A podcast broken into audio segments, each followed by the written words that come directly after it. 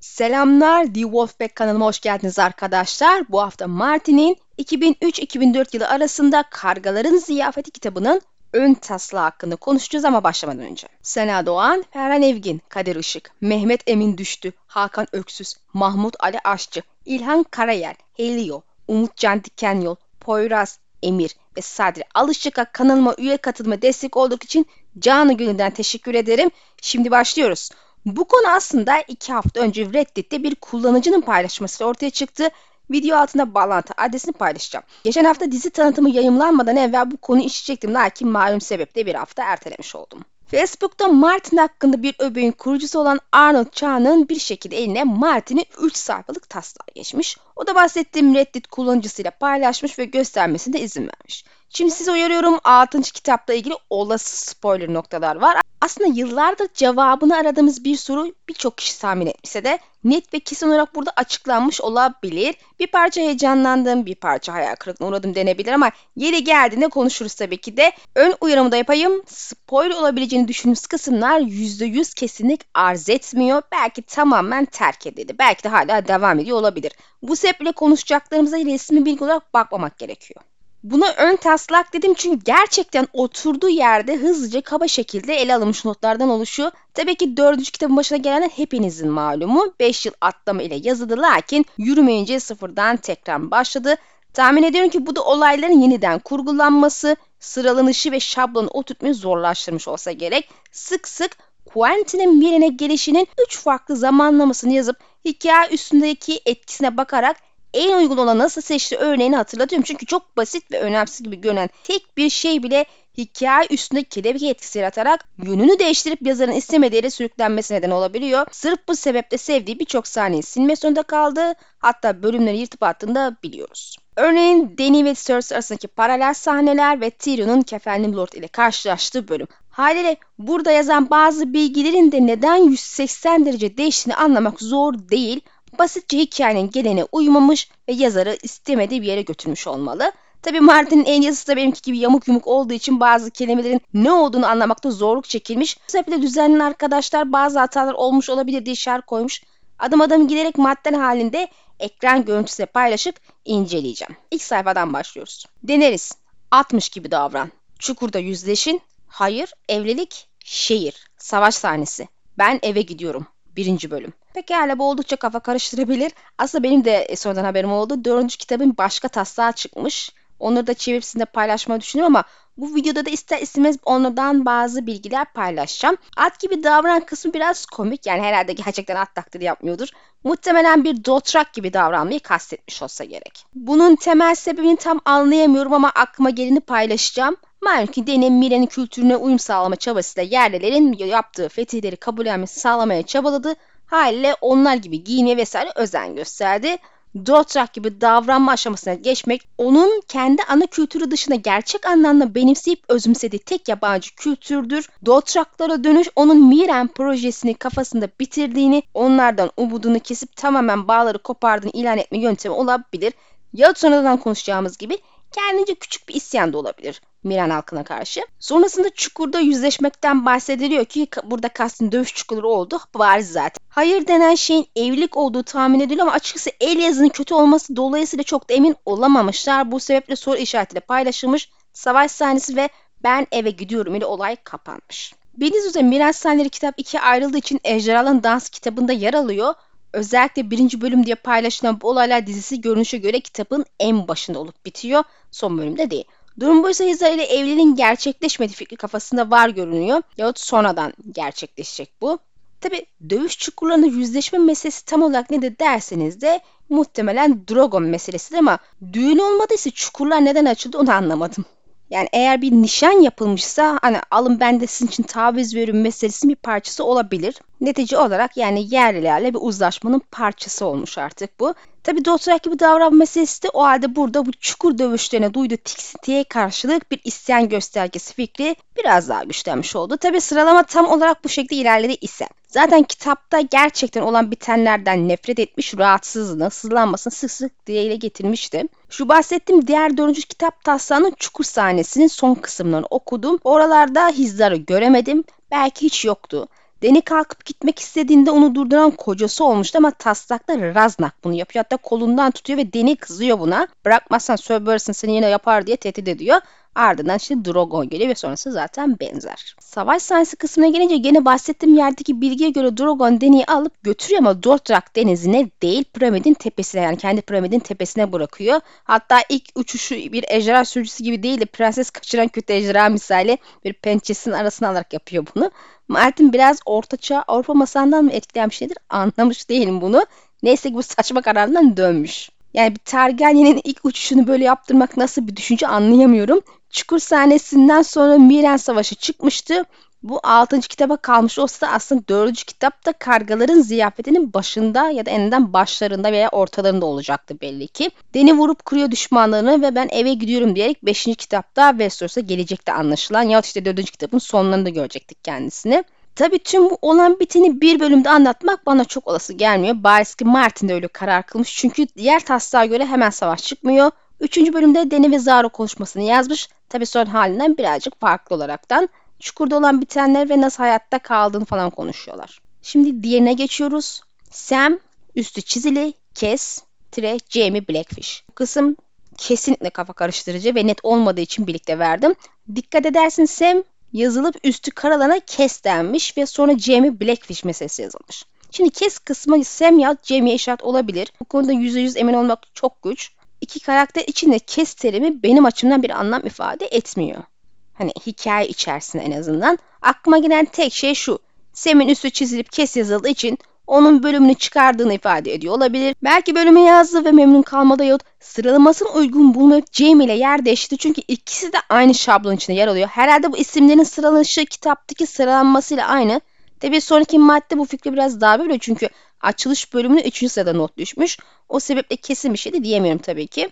Jamie Blackfish de aslında dördüncü kitapta gördüğümüz karşılaşma Nairobi kuşatmasını ifade ediyor. Ayrıntılarda bazı değişiklikler olabilir ama genel hattıyla bu mesele en başta tertiplendiği gibi tasarlanmış zaten. Martin genel taslak hatlarını çoğunlukla her daim koruyan biridir. Ayrıntılar ve sıralamalarda değişiklikler yapıyor çünkü istediği kelepçe etkisi oluşturmuyor ya da işte yahut belki de istediği kadar çarpıcı ve tatmin güzel gelmiyor ona. Bir sonraki bana kalırsa %50 spoiler içeriyor. Belki biraz daha fazla.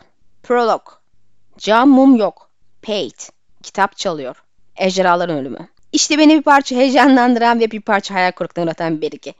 Cekka'nın Hisar'a girme sebebi Ejderhaların Ölüm isimli bir kitap. Asıl isim Kan ve Ateş ama bu isimle de anılıyor. Kana bulanmış olduğu söyleniyor kitabın. Yani kan lekisi var.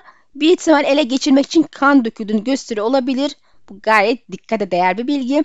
Hisar'ın altında bir kasada kilitli olduğu söylenmişti Tyrion tarafına en azından öyle duymuş. Yıllar içinde özel bir cam mum yahut ejderhalarla ilgili bir kitap mı şeklinde iki ayrı tahmin yapılıyordu zaten. Kitap diyenler bazı kazanmış oldu. Tebrik ederim. Sanırım yani. Başka bir ihtimal de var ama bunun sebebini bu kısmın üstünde konuştuktan sonra belirteceğim. Öncelikle bu bilgi şu açıdan çok önemli. Yüzsüz adamların ejderhalara karşı Brovos gibi düşman olduğunu bir kere daha altının çizilmesi lakin daha önemlisi onları yok etmenin peşinde olduklarını göstermesi. Demek ki Daenerys ve ejderhalarını öğrendiler ve hemen harekete geçtiler ki daha önce daha önce 5. Aegon'un Samurol yangının ardında onlar olabileceği fikrimi bir parça güçlendirdiğini düşünün zira ejderha tehdidini öğrendikleri anda hareketi geçip nasıl öldürebiliriz diye tedbir almaya başlamışlar. E, yıllar evvel doğuma ihtimaline karşı hiçbir şey yapmadan oturmanı bekler misiniz?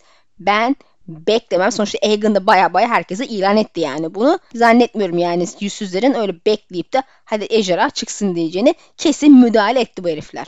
Tabi benim açımdan düşünce olan kısım şu. Jack'ın ilk kitapta başkente gelip nöbet kafilesine sızıp yola çıktıklarında Deni'nin ejderhası en az 5-6 gün sonra doğmuştu. Tabi hayranların hazırladığı zaman çizelgesindeki kaydın %100 doğru olmadığını unutmamak lazım. Lakin arada da aylar olmadı bariz arkadaşlar. Oraya zaten belki Arya için katıldı. Yani en başta görevi kitap falan değildi. Her ne olduysa Arya'dan ayrıldığı o kısa zaman aralığında olmuş olmalı. Lannister askerleri saldırdıktan sonra ortadan kayboldu ve tekrar Horon oldu ortaya çıktı. Jack'ın nasıl öğrendi bilinmez ama belli ki yeni vazifesini aldı. Belki bir başka yüzsüz adam geldi ve ona bir bilgi verdi ama bu bana biraz zor görünüyor. Arya dördüncü ayda Harrenhal'a varıyor. Ayrılmaları üstünden iki ay geçmiş. Deni'nin ejderhası doğar doğmaz hemen haberleri olmadılar ise bu bilgi onlara ulaşması ve sonra bir habercinin gidip Jack'ını Nehir topraklarında bir şekilde bulmaya başarıp bilgiyi vermesi çok akla yakın gelmiyor. Bilgiyi hemen almış olsalar bile aklıma tam olarak yatmıyor. Ki bu da e, biri 7-24 kızı mı gözetliyordu ki bilsin sorusunu sorduruyor. Önemsiz görünen bir kız için casus kullanacaklarından emin değilim yani. Dothrak içine sızmış olması gerek. O halde onu öldürmeleri de gayet kolay olurdu. Neticede bu sorunsal bende yüzsüzlerin birbirlerine haber göndermek için başka yöntemler olup olmadığını sorgulatıyor. Neticede sihir bu tarikatın yabancısı olduğu bir şey değil. Cam mumların ve bübet ağacının bir çeşit iletişim aracı olarak kullanıldığını gördüğümüze göre başka benzer iletişim araçları olabilir mi? Yoksa yüzsüzler de büvet ağacını kullanıyor kuramından yola çıkarsak Jickan'a haber bu şekilde mi gönderildi? Uykusunda. Niye olmasın ki? Bu konuyu burada bırakıp devam edelim. Uzun lafın kısası yüzsüz adamlar ejderhaların doğmasını istemiyor ve büyük savaş arefesinde doğan ejderhaları yok etmek istedikleri bariz. Bravos politikasına burunlarını sokacaklarını düşünme sebebim de biraz bu. Yeni deniz ordunun kendi amaçları doğrultusunda hareket edeceklerine emin olmak isteyeceklerdir. Yani Bravos'un deniye karşı bir tavır alması beklentisi boşa atılacak bir şey değil. Hele ki mevcut lordun ha öldü ha öleceği ve seçimlerin olacağı beklentisinin işlenmesinin kuru sık olmadığını düşünürsek. Eğer Westeros hikayesine bir katkısı olmayacak ise Martin ne diye böyle bir yan hikaye yazsın Bravos'ta? Karakter öylesine oyalansın diye mi? Eski videolarda demiş olmalıyım aslında. Eğer çıkardığınızda hikayeye bir etkisi olmuyor ise eklediğiniz şey muhtemelen gereksiz bir şeydir. Yazarın kendi için anlamı olmayan böyle bir şey yazacağını ben düşünmüyorum. Zaten hali hazırda çok uzun yazıyor. Yayıncılar pek hoşlanmıyor bundan. Bir sürü kısım çıkarttırıyor. O yüzden Martin bu konuda gereksiz olduğunu düşündüğü şeyleri yazacağını ben düşünmüyorum. Hayal kırıklığıma tekrar dönersek neticede Hisar gibi bir yerden kitap dışında ne çalabilirsin ki en fazla diğer üstadların hanelerden gönderdiği önemli bilgiler. Bu açıdan benim gereksiz bir fazla beklentiye girmem de çok doğru gelmiyor az tabii ki. Ben bu kitap işine biraz burun kıvırmıştım. Bir kitap çalmak ne kadar zor olabilir ki? Bu kadar zahmete değer mi diye. Hala öyle düşünüyorum bu arada. Gördüğünüz gibi Pet bu kitabı bariz şekilde kolayca çalıp getirebilirdi. Martin de öyle düşünmüş çünkü özel bir anahtar çalıp getiriyorsa onu da çalar demiş herhalde. Hadi yemedi diyelim. E, Jekyll'ın o kadar oyalanması için de bir sebep yoktu aslında. Alıp giderdi. Hatta Peyton'in yerine üstadı öldürüp yüzünü alarak bu işi de kolayca yapardı diye ben hep düşünürüm. Sonrasında bir bunağın ölmesi de pek kimseyi şaşırtmazdı. Bu sebeple madem derdi bir kitaptı neden kalmaya devam etti? Madem ilk pet aldı getirdi neden bu sonradan değişti? Yani neden Jack'ın orada kalması gerekiyordu? Bu konudaki genel fikrim şu. Martin Hisar'da bize özel sırlar ve olaylar göstermek istiyor Tabii ki Jack'ın da işin içinde olduğu. Muhtemelen de yaklaşan savaş ve evet şu güneyli itirazın meselesiyle ilgili gizemler. Sam ve Batgirl'ın da Jake'ın olayların başrolü olacak. Jack'ın içeride girdiğinde Marvin'in tanıdığı ilk taslakta yer almayıp sonra eklenen cam mumlar ve diğer şeyler hakkında bilgiler edindi. E bu sebeple kitap için gelmiş olsa bile daha fazlası için kaldığını ben düşünüyorum. Yani görevin kapsamını biraz daha genişlediği aşikar.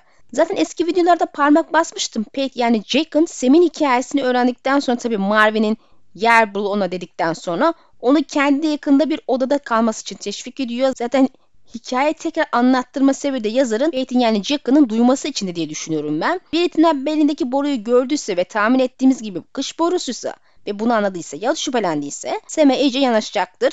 Muhtemelen sonraki kitapta göreceğimiz en heyecanlı bölümlerden biri de Sam'in Hisar Eskişehir macerası olacak.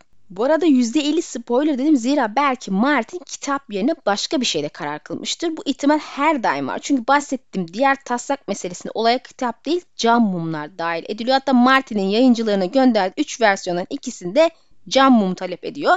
Betty onu çalıp getiriyor ve oğlan ölürken Jack'ın cam mumları ölümsüzlük verebilir bilgisini aktarıyor. Ölümsüzlük kısmı ilginç ama heyecan verici olduğunu iddia edemem. Aslında bence seri için biraz aşırı geliyor ve kendi içinde bazı sorunlar neden olabileceğini düşünüyorum. Neticede ipini koparan bu mumlara ulaşabiliyor gibi en azından kaynakları olan emantiken etraf ölümsüzden geçilmiyor olmalıydı. Zaten elimizde white var iken bir de cam mumlar ölümsüzlük dağıtmasın lütfen. Gördüğünüz gibi kitap ve cam mumlar meselesi %100 kesinlik arz etmiyor. Lakin seride önemli yeri olacağını düşünebiliriz ve belki de ikisinden birini kullanabilir ya da üçüncü başka bir şey de olabilir. Tabi yüksek ihtimal cam mumluk meselesini terk etmiştir çünkü bahsettiğim versiyonda söylediği şeylerin bir kısmı hala hazırda Üstad Marvin söyledi. Ve mumları almak için anahtara ihtiyacı yok çünkü gizli saklı bir yerde tutulmuyorlar. Ulaşması zor değil. Yani %100 olmasa bile kitap meselesi için orada olduğu ama Marvin ve ilgi alanı gördükten sonra kalmaya devam etti. Sonucun varabiliriz. Şimdi sonraki maddeye geçelim. Brienne, tazı dövüşüyle bitir. Hemen heyecan yapmayın sahte tazı olması daha muhtemel kanımca. Yine de bakarsınız Game of Thrones'un Brienne'i ve tazı dövüşün gerçekten de bu taslağa dayanıyordur. Aslında bazen Martin'in taslak haldeki fikirleri Dan ve David'e anlattın ama zamanla bunları değiştirdim falan düşünmüşümdür. Her konuda değil elbette birkaç şeyde ama zaman zaman hatta biraz da kasıtlı taslak fikirleri veriyor olabilir mi diye aklımdan geçmiyor değil. Kendi bilgi vermeye çok hevesli biri değil biliyorsunuz. Bu konuda tartışacak fazla bir şey olduğunu zannetmiyorum tabii ki. Ben sahte tazı dövüşü olduğunu inanıyorum. Neticede bir taş kalp ve cemi meselesi var. Sonraki madde çok ilginç bakın. Davos, Baratheon düğünü Davos ele geçirilen Arya'yı kuzeye götürecek. Nereye gidiyorsun? Düğüne. 40 yıl düşünsem Davos ve Arya'yı bir sahnede böyle bir entrika ve benzeri manada bir araya geleceğini düşünmezdim. Tamam kız saatte Arya ama demek istedim anladınız. Öncelikle galiba düğün kesin olarak Lady Darcy'nin kalesine olacakmış gibi görünüyor ama tabi bu kısım kesin değil. Ve Davos Arya'yı kaçırmaya gelen kişi Mance'in kendisi değil. Tabi bu nasıl yapacak emin değilim. Soğan Şövalyesi'ni tanımayan var mı? En basitinden elinden tanırlar. Muhtemelen Stannis Melisandre'nin emriyle Jon'u kendi tarafına çekme girişimi olarak bu vazifeyi aldı Davos ama Yazar da herhalde kendi içindeki mantıksızlığı görmüş olacak ki Mance olarak değiştirdi. Nasıl Şirin vakası için Davos'u Stannis'in uzaklaştırması gerektiğini idrak etti anda olabilir. Ben bu olayın değişmesine gerçekten memnun oldum. Baştan sona hatalı olurdu. Mance'in seçilmesi de kendi içinde daha anlamlı. John ile ilk tanıştığında Stark kızı kaçırma izmanası yapılıyordu. Anlaşılan bir plansız foreshadowing olmuş bu. Dahası karakterin hayatta tutulup da ciddi bir şey için kullanılmaması da anlamsız olmaz mıydı? Yani Stannis vesaire niye adamı hayatta bırakıp öyle hikaye yazma zahmetine girsin ki değil yani? Tabi o hayatta mı? Yani Mace? Muhtemelen. John maddesine geçelim şimdi. John, evet kaybedeceğiz. Bize zırh getirebilirim. Ben kalıp cesur görünebilirim ama hepiniz ölürsünüz. Val bir mesaj taşıyor. Çıngırak donuna gider. Bunun tam olarak ne ilgili olduğundan emin değilim. Bir yorumda Stannis ile pazarlık diye bir şey görmüştüm. Sur'u terk etmeden önce yaptıkları konuşma ve pazarlık üstüne olabilir John'un sözleri. Ya tamamen son bölümüyle alakalı olabilir. Muhtemelen öyle gibi. O kısma 3. sayfada geleceğim için burada değinmek istemiyorum artık. Val'ın taşıdığı mesaj ve onunla giden çıngıraklı meselesi de Tormund ve yabanlıları içeri almak ilgili gibi. Eğer durum buysa ilk cümle tahmin ettiğim şeyle ilgili değil. Stannis yorumu doğru olabilir ya yazarın terk ettiği bir başka sahnedir. Önemsiz bir olabilir aslında. Eğer taşınan mesaj başka bir şey ve başka birine ise o durumda bunu tahmin etmek zor. Lakin Tormund vakası olduğunu düşünüyorum. Çünkü Jon'un Val'ı birden fazla bu şekilde kullanma riskine gireceğini zannetmem özellikle Kraliçe Selis ve Şövalye geldikten ve kızı sorup durduktan sonra. Buradaki çıngarlıkta muhtemelen bizim Mance'in kendisi. Belki de yazar Tormund'u kralını kullanarak ikna etmek istemiştir. Ama bu Jon'un gelişimine zarar verecek bir şey olurdu. Bu sebeple vazgeçmiş olması gerçekten yerinde bir karar. John ile beraber ilk sayfamız bitti. Şimdi ikinci sayfaya geçiyoruz. Cersei, Cat Black. Kraliçe bunu söyle... Cersei, Cat Black. Kraliçe bunu söylememi istedi. Osmond ona ihanet ediyor. Burada pek yeni bir şey yok aslında. Kara kazanlar ve Cersei ilişkisi 7. kitapta işlenmişti ama burada bir fark var tabi. Kara kazan Yüce Rahibe sözde bir itiraf için gittiğinde adam işkilenip işkenceyle onu zorla konuşturuyor o şekilde gerçekler ortaya çıkıyordu. Lakin ön taslakta hiçbir zorlama işkence olmadan doğrudan giderek Osmond kraliçeyi ispikliyor. Özetle genel hattıyla bu duruyor ama ilk tasarımda Osmond'un ihanetin keyfi değil muhtemelen. Sonraki maddede bunu işleyeceğiz. Sansa, bölümü böl. Cersei haddini aştı. Yakında işi bitecek. İlk olarak anlaşılan ya fazla uzun geldiğinden ya da olayların ilişkileriyle ilgili bir sebepten Martin Sansa'nın bu povunu ikiye bölerek yerleştirme kararı almış görünüyor. Bu çok önemli değil. Önemli olan kısmı devam edelim. Cersei haddini aştı yakında iş bitecek diyen kişinin serçe parmak olduğuna en şüphe. En son halinde serçe parmak Cersei'yi oyun dışına itmeyi hali hazırda tertiplediğini ama bunun temelini atmak için çiçek vermesi için vesaire birkaç yıl olduğunu düşünür. Lakin gerekirse hemen bir şeyler yapabileceğini falan söylemişti. Bu minvalde bir şeyler söylemişti. Belki de ön taslakta tam olarak tertibi el sokmuş ve Ozmut da ipleri asıl elinde tutan kişinin yani Lord'u olan Serçe Parmağın emri doğrultusuna gidip satıyordu Cersei'yi. Haddini aştı demesinin sebebini bilmiyorum tabii sinirine dokunan bir hamle yapmış olabilir. Cersei bir sonuçta herkesin sinirine dokunan, sinirini bozan bir şey yapma becerisi var kadında. Neticede Osmond'un ihanet hamlesiyle serçe parmağın sözleri bağlantılı görünüyor. Şimdi vadiyi bırakıp Dorne'a geçelim. Dorne, Balon ve Aerys dövüşü. Kan ve ateş ile son. Dağın eksik dişleri. Balon ve Aerys karşılaşması ilginç. İkisi de kral muhafızı neden dövüşsünler? Belon doğuna geldiğinde Ares çoktan ölmüştü lakin ilk aşamada durum böyle görünmüyor. Yazar onu hayatta tutmayı düşünmüş ve sonra ikisini dövüştürmek istemiş. İkisinin savaşı kan ve ateş ile olayın sonlanmasına mı sebep oluyor? Yani açık bir savaş ilanı mı yapıyor doğuran Lannister'lara tahta karşı? O halde Mersala'nın taş giydirme meselesi faaliyete mi geçiyor? Aslında 5 yıllık atlamada kraliçe olarak kendisini göreceğimiz bilgisi verilmişti yazar tarafından. Bu onu doğrudan demir tahtta değil de doğumda kraliçe ilan edilmesi şeklinde mi gerçekleşecekti? Bu fikri ilk duyduğumda karşı çıkmıştım. Lakin iki kral muhafızın dövüşmesi ve Eres'in yaşıyor olması ilk olarak bunun düşünülmüş olabileceği fikrini bende güçlendirdi. Yahut daha az ihtimal dahilinde olan Everest'in hala hazırda Arena tarafından baştan çıkarılmış olması kızın onu Bellen'e karşı kışkırtmasıyla mı sonlandı?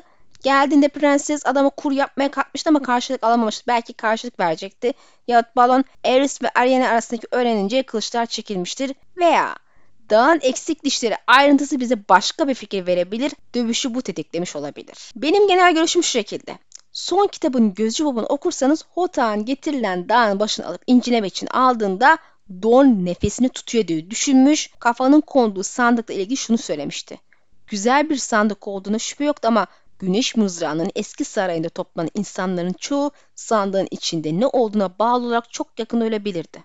Üstadları bile sandığı açarken sakarlaşıyordu zira bariz gibi bir savaş patlak vermesinden korkuyordu. Hatta Hota iş oraya varırsa Belon ile dövüşmeye hazır olduğu içinden geçiriyordu. Yani kafatasının daha ait olmadığı anlaşılsaydı o anda orada bir dövüş başlayacak ve kan dökülecek. Ve tabi olarak da bu tahta karşı bir isyan ayaktam olarak kabul edip kan ve ateş ile son bulacaktı. Belli ki Martin ilk olarak bunu düşünmüş arkadaş ve kafanın sahteliğini işaret olarak da eksik diş eklemiş. Lakin ne gerçek daha ne de sahte kafatasının bir diş olayı yoktu. Buna dikkat çeken bir şey olmadı.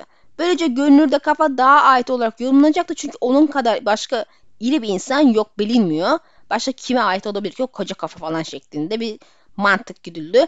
Doğumuna buna tepki olarak silahlarına davrandığında da yüksek ihtimal Ares, Arreni'yi korumak için Balon ile karşı karşıya gelecekti. Tabi Martin sonunda bu kısmı tamamen terk etmiş gibi şu aşamada Doran için kafatası gerçek ya da sahte zaten temelde önemi yok. Her şekilde Lannister'a karşı bir intikam planı yapıyor. Lakin zamanını kolluyor. Şimdi batı topraklarına geçelim. Kevin, ev, Caster'ı kayasına. Kışa hazır. Martin'in küçük karakterlerin kaderlerine yazarken karar veriyorum sözünün ikinci örneği bu. Öncesinde işte Aerys yaşarken şimdi Kevin yaşıyor. Tabi artık ölüler. Cersei vakası yaşamadan önce Kevin eve gitmeye niyetliydi zaten. Lakin görünüşü göre yazar bu fikri hayata geçirmeyi düşünmüş gerçekten. Varys tarafından öldürülmüyor ve sonraki kitaba kadar hayatta kalmayı başarıyor. Belki de Dany'nin gelişine tanık olacak ve Tyrion ile beraber Kaya'yı ele geçirdiğini görecekti. Daha sık kışı görecekti. Zaten Kaya'yı göstereceğini falan birkaç kere söylemişti. Bunu istiyordu da. Bunu kapanış bölümünde Kevin ile niyetlenmiş anlaşılan ama vazgeçip adamı Varys'in eliyle öldürme kararı almış. İhtiyaç duydu ama öldürdüğü için pişman olduğu dediği karakter Kevin olabilir mi? Biz genelde Üstad Emin diye düşünmüştük ama Kaya'da yaşanacaklar ve bağlantı olası durumlar için Kevin hali hazırda gerçekten çok uygun bir karakterdi. Ne diyelim olan oldu, ölen öldü. Biz bir diğerlerine sıra geçelim. Tyrion, ensestin tanığı. Bunun ilginç olduğunu düşünebiliriz. Hangisinin tanığı? Esos'ta tanık olacağı başka bir olay olduğunu düşünmem. En azından bu kadar önemli ve hikaye etkisi olacağı için yazarın not olarak düştü. Muhtemelen bu tam olarak Jamie ve Cersei meselesi ama tabii şunu sorabilirsiniz. E zaten biliyoruz ve olayda Westeros'ta kısmen ortaya çıktı neyin tanıklığı bu. Aslında yeni bir tanıklık değil tahminimce bir flashback ile Tyrion'un olayı ne zaman ve nasıl öğrendiğini okuyacaktık. Dikkatinizi çektim bilmiyorum ama ikisini de zaten biliyordu. Duyduğunda şaşırdığına dair bir şey okumadık. Bunu sakladı. Ne zaman ve nasıl öğrendiğine dair bir bilgi okumadık. Martin bize bunu verecekti herhalde. Hüzünler Prensi. Ruhsal acıyı hafifletir mi? Rahatlatır mı? Kehanet mi? Genel evler. Zaneler her yere gider. Cesaret. Bırak gitsin yoksa onu dönüşürsün. Bırakın gitsinler. Sana huzur getirmeyecektir acı yapman gerekeni yapmana engel olur. Sanırım Martin burada bir üç monolog için notlar almış. Kimden bahsediyor? Zaniyeler ile ilgili olduğu için Tyrion olduğunu tahmin etmek zor değil. Vahşiler nereye gider? Bilmecesini çözmeye çalışıyordu son kitapta. Burada da bir şey var işte bununla ilgili. Psikolojik olarak çekti acıyla olan mücadele üstünde bir iç konuşma gibi acıyı terk etme, ona tutunmama yoksa iyi olmayan bir dönüşüm geçirme, acının kendi haline dönüşeceğini, acının yapman gereken şeyler engel olduğuna dair böyle nasihatler silsilesi okuyacaktık yani. Cesaret de burada bunu yapmak için ihtiyaç duyduğu şeyi söylüyor galiba. Kehanet ile olan bağlantısını anlamış değilim tabii ki. İlk cümleler ile bağlantı kurmaya çalışsak belki burada odak noktasını değiştirmek, kendine yeni bir vazife devam etme sebebi bulmayla ilgili bir şey üstünde tartıştığını görüyoruzdur. Arada tabii aklına Tayşe ve bilmecesi gelir. Belki her yere gider noktasında buna kafa takma artık diyerek kendini vazgeçirme çabasını okuyacaktık. Ardından gelen cesaret buna işaret olabilir. Çünkü çoğu olarak bırak gitsinler sözü acı ve Taşe ve Jamie ile babası dahil ona acı veren herkes ve her şeyi kastediyor gözüküyor. Belki bunu bir sonraki kitapta görebiliriz. Bence bu öyle bir iç konuşmayı tamamen terk etmemiştir. Ayrıca Martin ilk kez olarak Tyrion'a bir lakap takıp farklı bir isimle bölüm yazmayı niyetlendi görmek de güzel. Hüzünler Prensi. Herhalde hüzünlerden geçerken okuyacağımız bir şeydi. Hatta videosunu yaptım. Ke Kefenli Lord ile tanışıp atılan bölümün bir parçası olabilir. Bölümün bayağı iç karartıcı oldu. Bariz bu iç konuşma da öyle. Okuyamama kötü olmuş aslında. İkinci sayfada bitti. Son sayfaya geçiyoruz. Arya. ilk hediyesiyle bitir. 1. Verme sevinci. 2. Kapıdaki Mercy. Sanırım burada kastedilen şey şu sigortacı adamı öldürme vazifesi ondan sonra da kapılara Mercy olarak gönderilmişti ki 6. kitaba ait ama aslında Mercy bölümü 5. kitaba ait olacaktı diye aklımda kalmış. Çıkartılıp son kitaba eklenmişti. Burada hediyesini verince ne kadar mutlu olduğunu ifade etmesini istemiş yazar. Tabi bunu yazmadı. Muhtemelen amacı ailenin içsel değişimini ve öldürme arzusunun geldiği boyutu göstermedik. Lakin ya vazgeçti ya da sonraki kitapları erteledi. Tekrar Tyrion'a dönüyoruz. Tyrion, Deni ile bir son mu? Sir Jorah tarafından yakalandı mı? 1. Hüzünler 2. Volantis 3. Deniz 4. Deni Sanırım Tyrion bölümünü nasıl bitireceği ve bitirirken ki geçen sürede yaşayacağı gideceği yerleri not etmiş. Cliffhanger olarak ifade edilen ve basitçe uçurum olarak çevirilse de doğru bir ifade olmayan bu tekniğe aşinasınız aslında. Bölüm sonunun heyecanlı yerde bitirmesini ifade ediyor. Jon'un bıçaklanıp orada bölümün bitmesi gibi. Ne olacak sonrası acaba sorusunu sordurmalı kişiye. Genel olarak son kısım hariç hepsi kitapta mevcut zaten biliyorsun. Hüzünlerden, Volantis'ten geçti ve bir deniz yolculuğu da oldu ama daha deniyle bir araya gelmedi.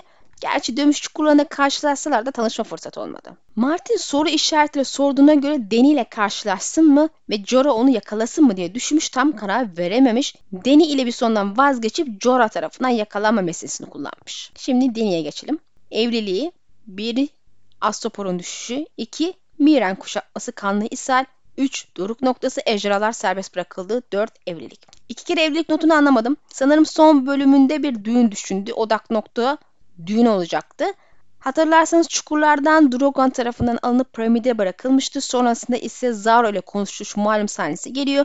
Buradan görürüz ki Astopor'un düştüğü haberi de geliyor ve Miren kuşatılıyor.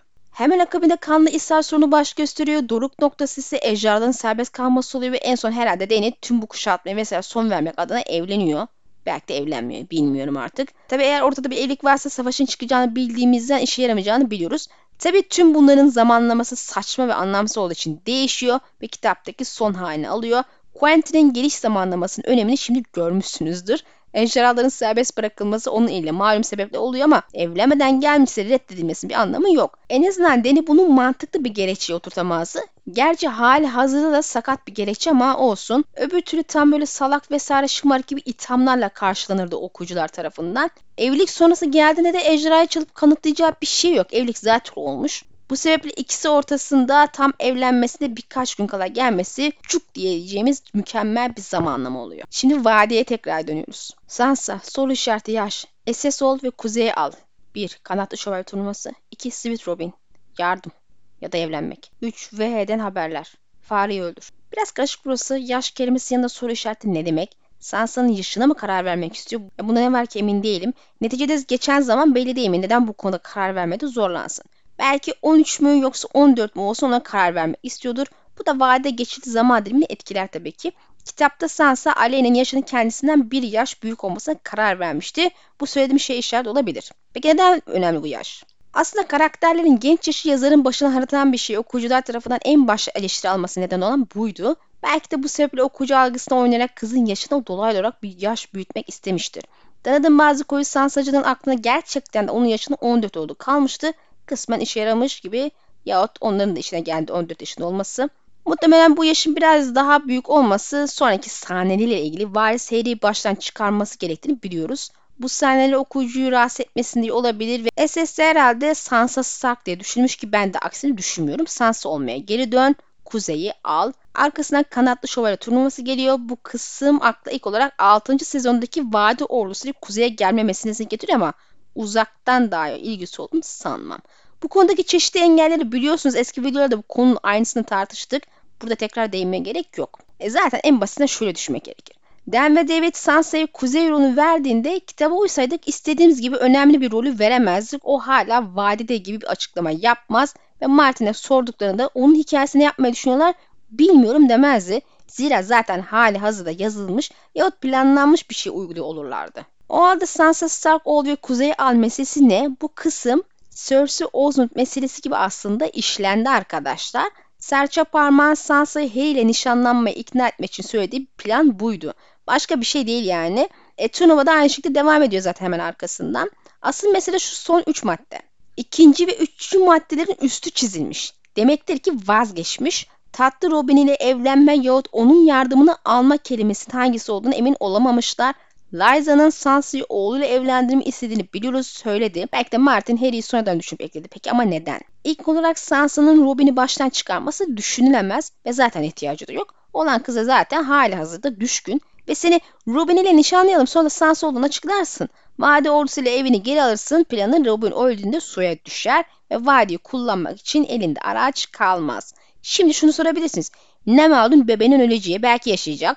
Bu da bizi ikinci sebebe getiriyor zaten. İkinci olarak Robin ölmeyecek olsa Harry karakterin sonradan neden ihtiyaç duysun? Robin öldüğünde Harry Sarı Perman vadiyi kontrol etmeye devam etmesi için bir araç olacak ve bunu Sansa üstünden yapacak. Tabi oğlunun ölmesini istediğini sanmam ama herkes onun ölümünü beklediği için o da Harry etetbini şimdiden alıyor gibi.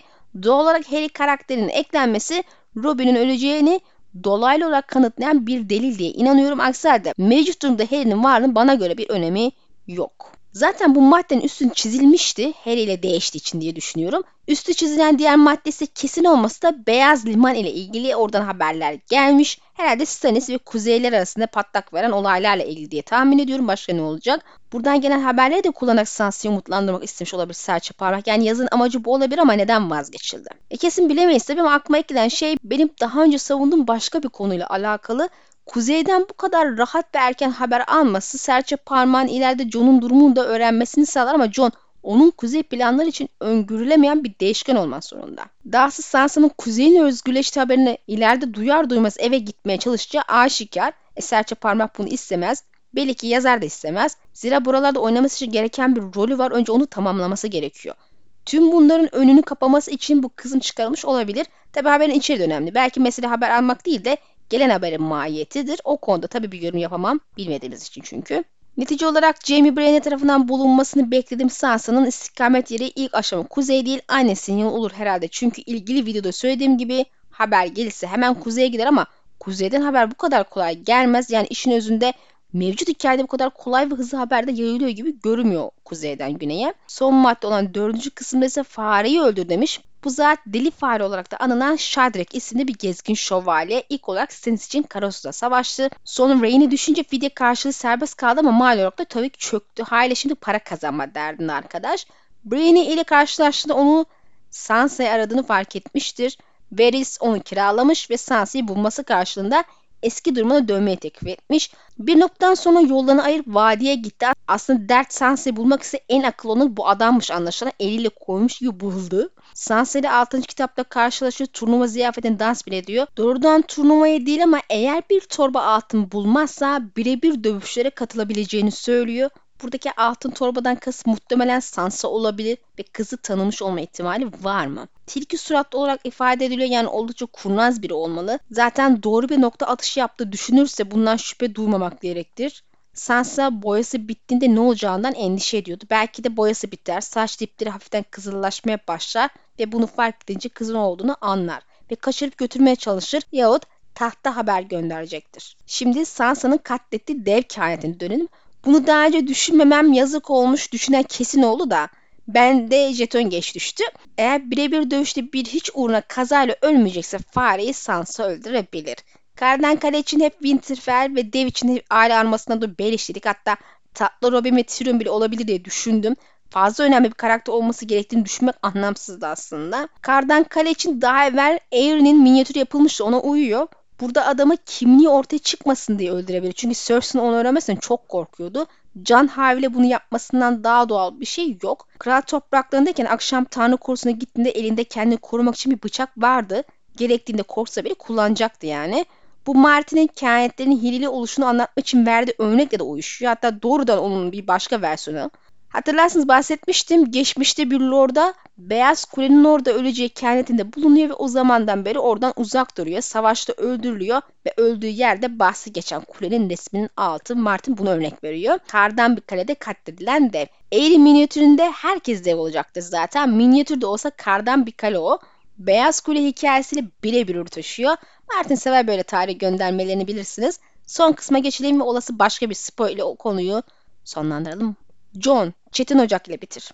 Anlaşılan Dan ve David'in Çetin Ocak sahnesi kendi aldıkları inisiyatif neticesinde değil Martin'den öğrendikleri taslaktan ileri geliyor ki taslakları söylüyor bu adam iddiamında bir çeşit delil olabilir bu. Gerçi taslak da olsa neticede kitaba yazıyor görünüyor. Tabi burada yazmayı muhtemelen erteleyip dirilme anına bırakmış. Söylemiştim Martin doğu gözlüsünü göreceğimizi açıkladı. Bu ya John ya da Arya gözlü olabilirdi ama en iyi adamımız John. Çünkü zaten Çetin Ocak meselesi elimizin altındaydı. Tek olay dirilince bunlarla uğraşmak ister mi sorunsalıydı ama bana göre isterdi. Daha önemli ayrıntı ise John'un öldüğü yer Sur değil Çetin Ocak olacaktı bu durumda. Tabi kendi içinde bazı sıkıntılara neden olacağı aşikardı.